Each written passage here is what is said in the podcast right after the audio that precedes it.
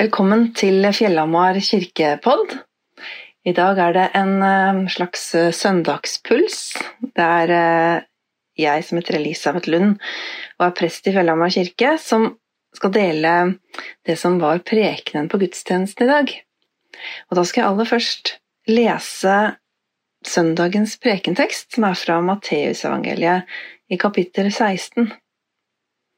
Jesus sa til disiplene om noen vil følge etter meg, må han fornekte seg selv og ta sitt kors opp og følge meg. For den som vil berge sitt liv, skal miste det, men den som mister sitt liv for min skyld, han skal finne det. Hva vil det gagne et menneske om det vinner hele verden, men taper sin sjel? Eller hva skal et menneske gi som vederlag for sin sjel? For menneskesønnen skal komme i sin fars herlighet sammen med sine engler, og da skal han lønne enhver etter det han har gjort. Slik lyder Herrens ord.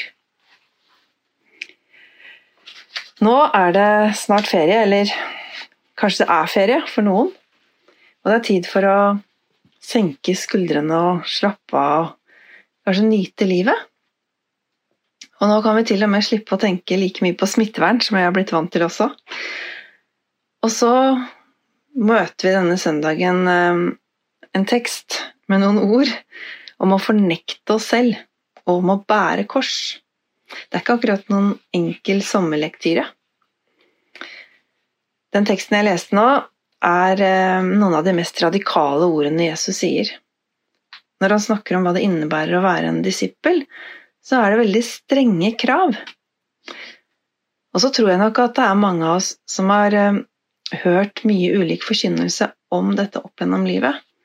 Eller så har vi kanskje tenkt og trodd ulike ting om hva det innebærer for oss å ta vårt kors opp og fornekte oss selv. Jeg husker veldig godt en liten episode fra da jeg gikk på barneskolen. Jeg tror antagelig jeg gikk i andre klasse. Jeg hadde i hvert fall ikke gått så lenge på skolen.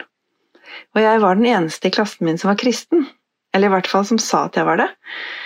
Og så hadde jeg hørt at det kunne være tøft å være kristen på skolen.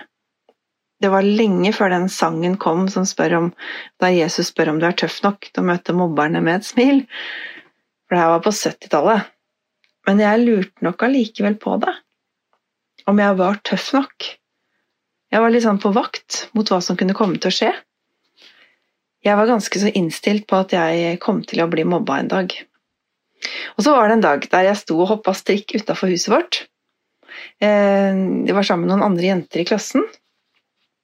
Og da spurte plutselig en av dem om vi pleide å synge for maten hjemme hos oss.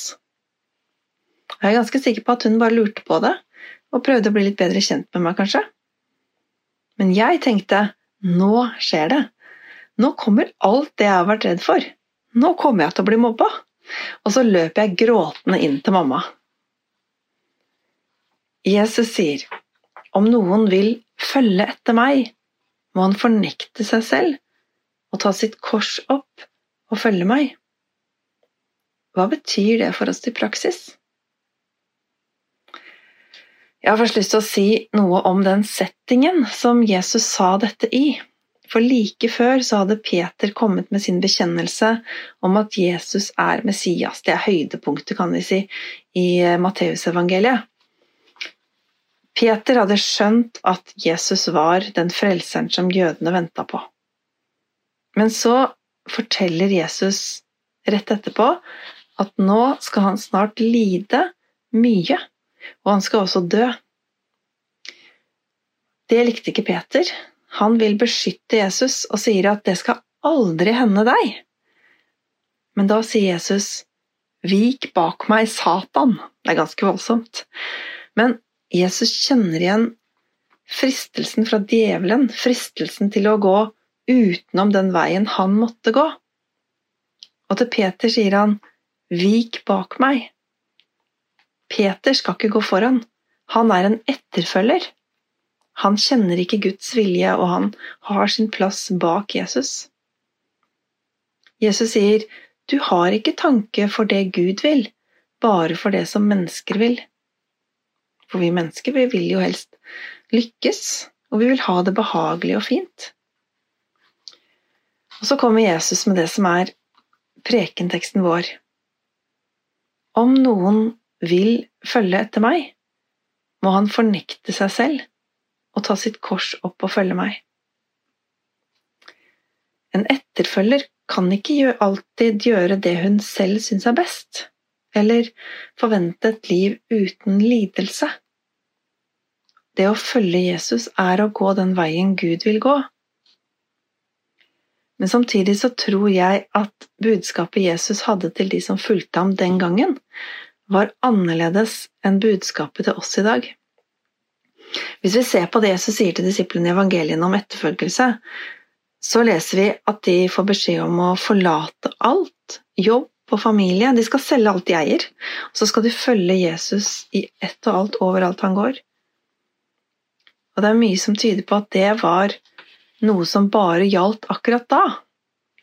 I prekenteksten vår så kan vi få litt hjelp av gresken, som er det språket Det nye testamentet er skrevet på. Ordet akolothein, som oversettes da med å følge etter, det brukes om å fysisk følge etter Jesus mens han levde på jorda. Og at det ordet er brukt her, det er en av de tingene som peker på at det Jesus sier, er ment spesielt til de som fulgte ham den gangen. De som vil følge etter meg fysisk. Og det underbygges når vi leser Paulus sine brev. Der får vi et bilde av hvordan menighetslivet var etter pinsen. Og da skjønner vi at det ikke lenger kreves å forlate hjem og familie for å være en disippel.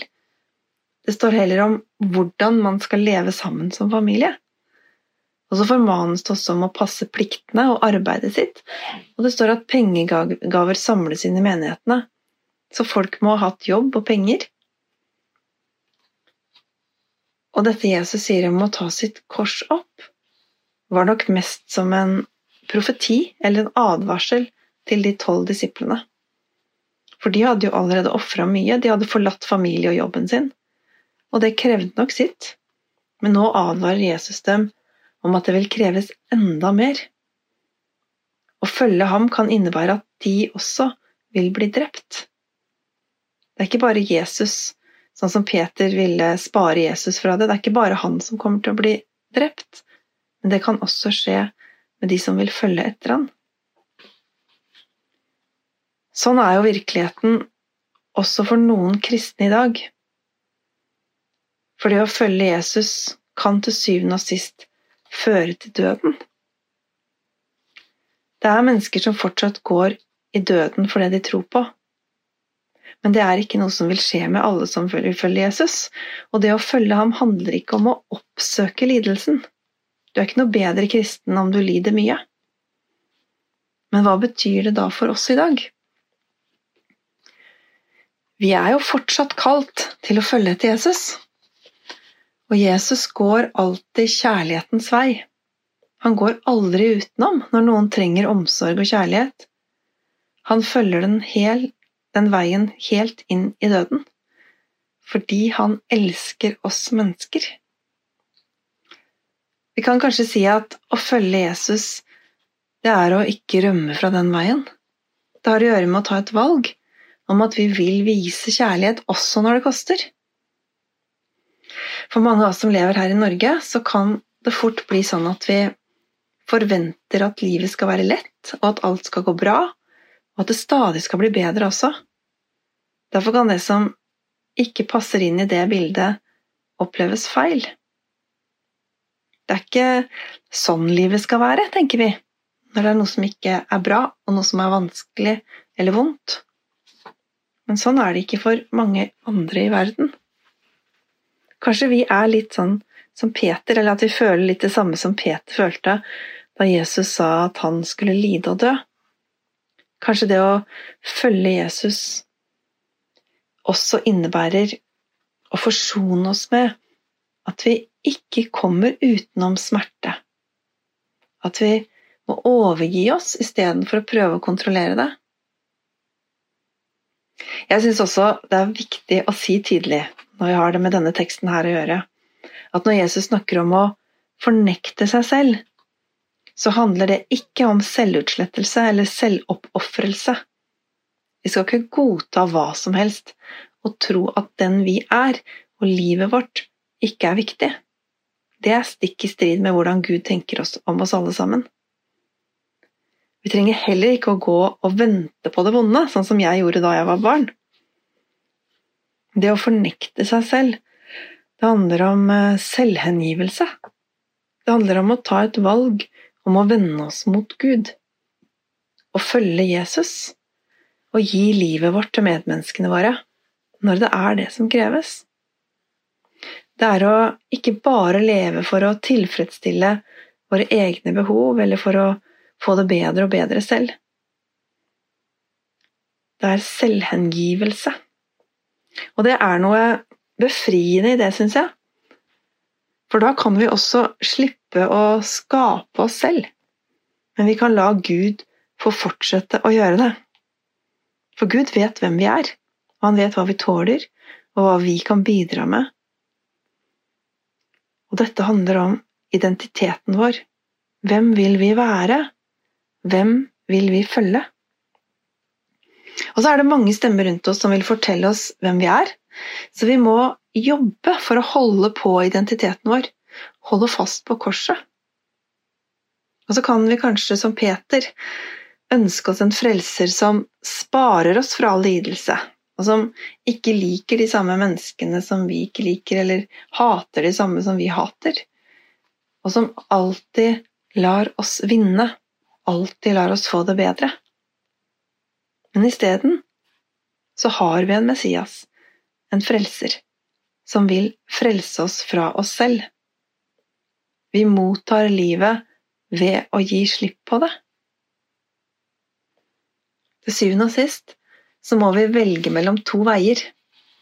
Verdens vei, som handler om penger, makt, berømmelse og kanskje et forsøk på å unngå lidelse og død.